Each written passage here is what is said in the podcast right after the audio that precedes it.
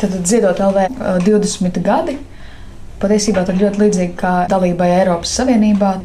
Tas ir kaut kā saistīts ar tiem procesiem tajā laikā, pirms 20 gadiem, 2003. gads. Nu, es teiktu tā, ka mm, pēc okupācijas laikā mēs nu, kā sabiedrība strauji virzījāmies rietumu demokrātijas virzienā, NATO virzienā, Eiropas Savienības virzienā.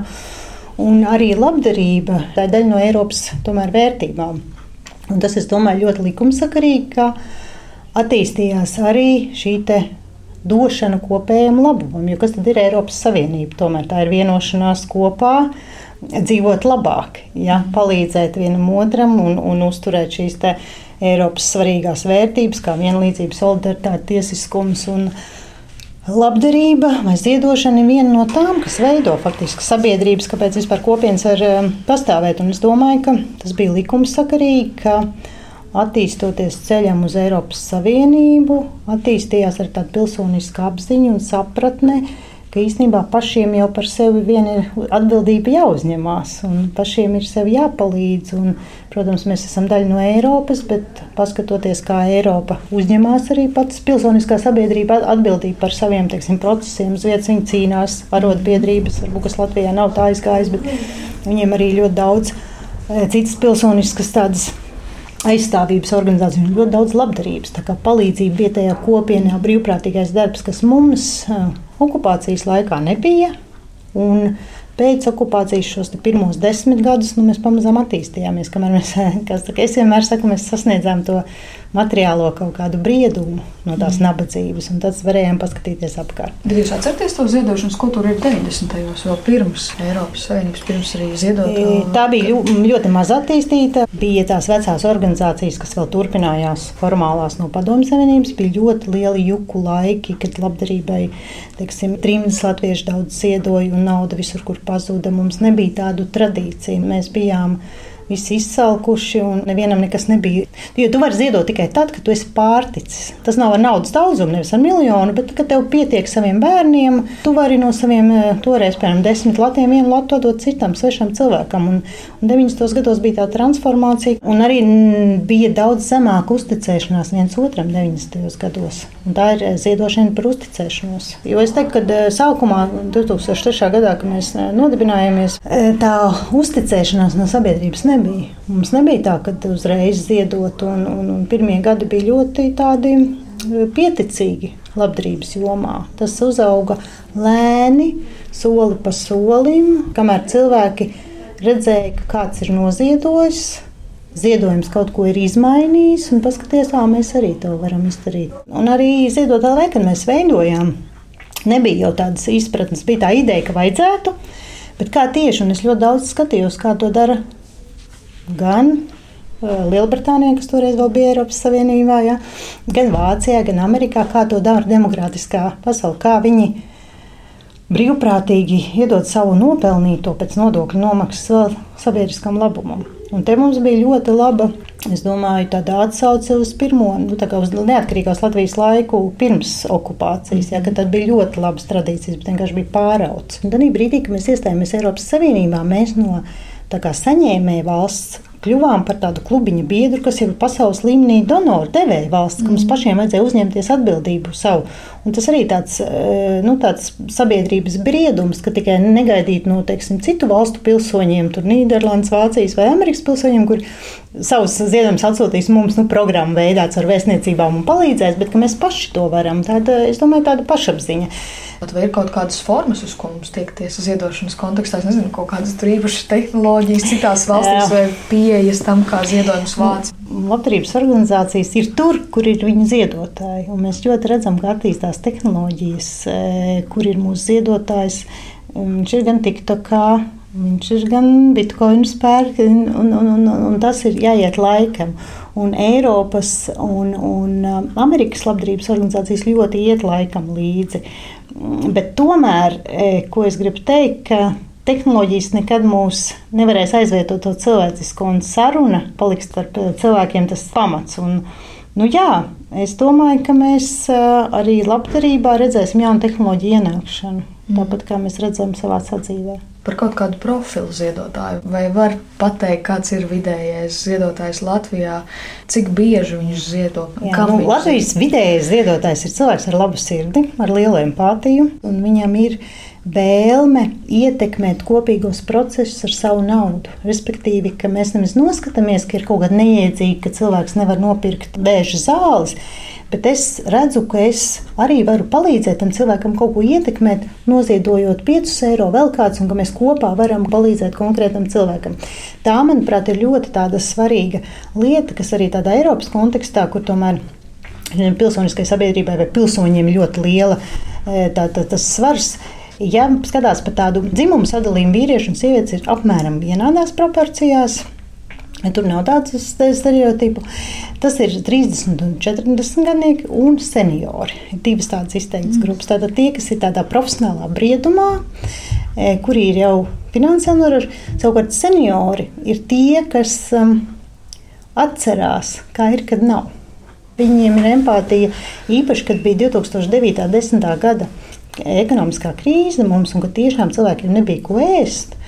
E, mums ļoti daudz senioru ziedo. Viņi teica, mēs zinām, kā ir, ka nav ko ēst. Nu, un, un tā vidējā summa, ko caur ziedot LV noziedo, ir Nezinu, 20 eiro vienā reizē.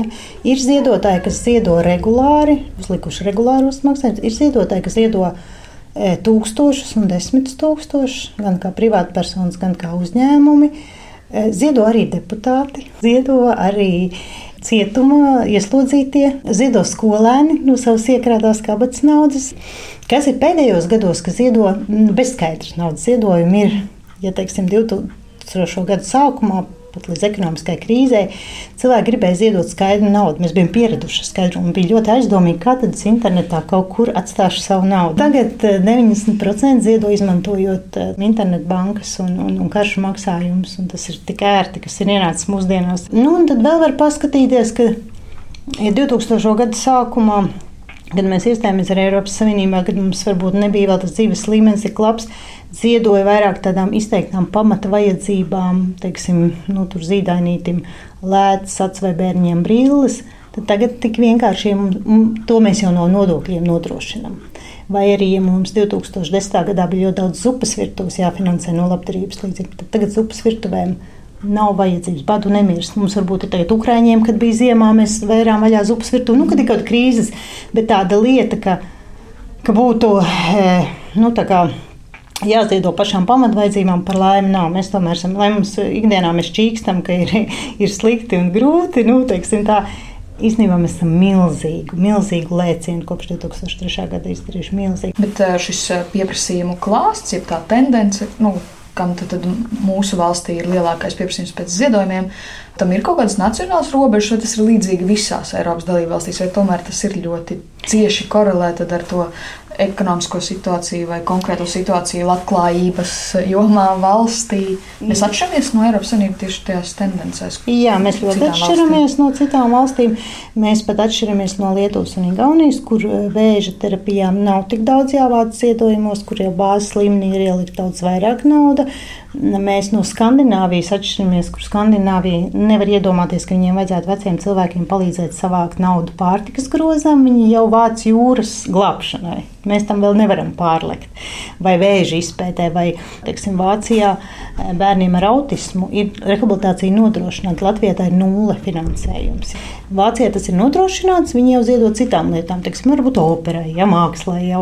Nu, mēs esam vēl tomēr atšķirība. Mums tā no, no, no tās vidējās Eiropas Savienības medicīnas un labklājības līmeņa ir jūtama, lai arī es teiktu, ka mēs uz pasaules fona ļoti labi dzīvojam, bet tomēr Eiropas klubiņā mēs aizmugurē sēžam autobusā mm.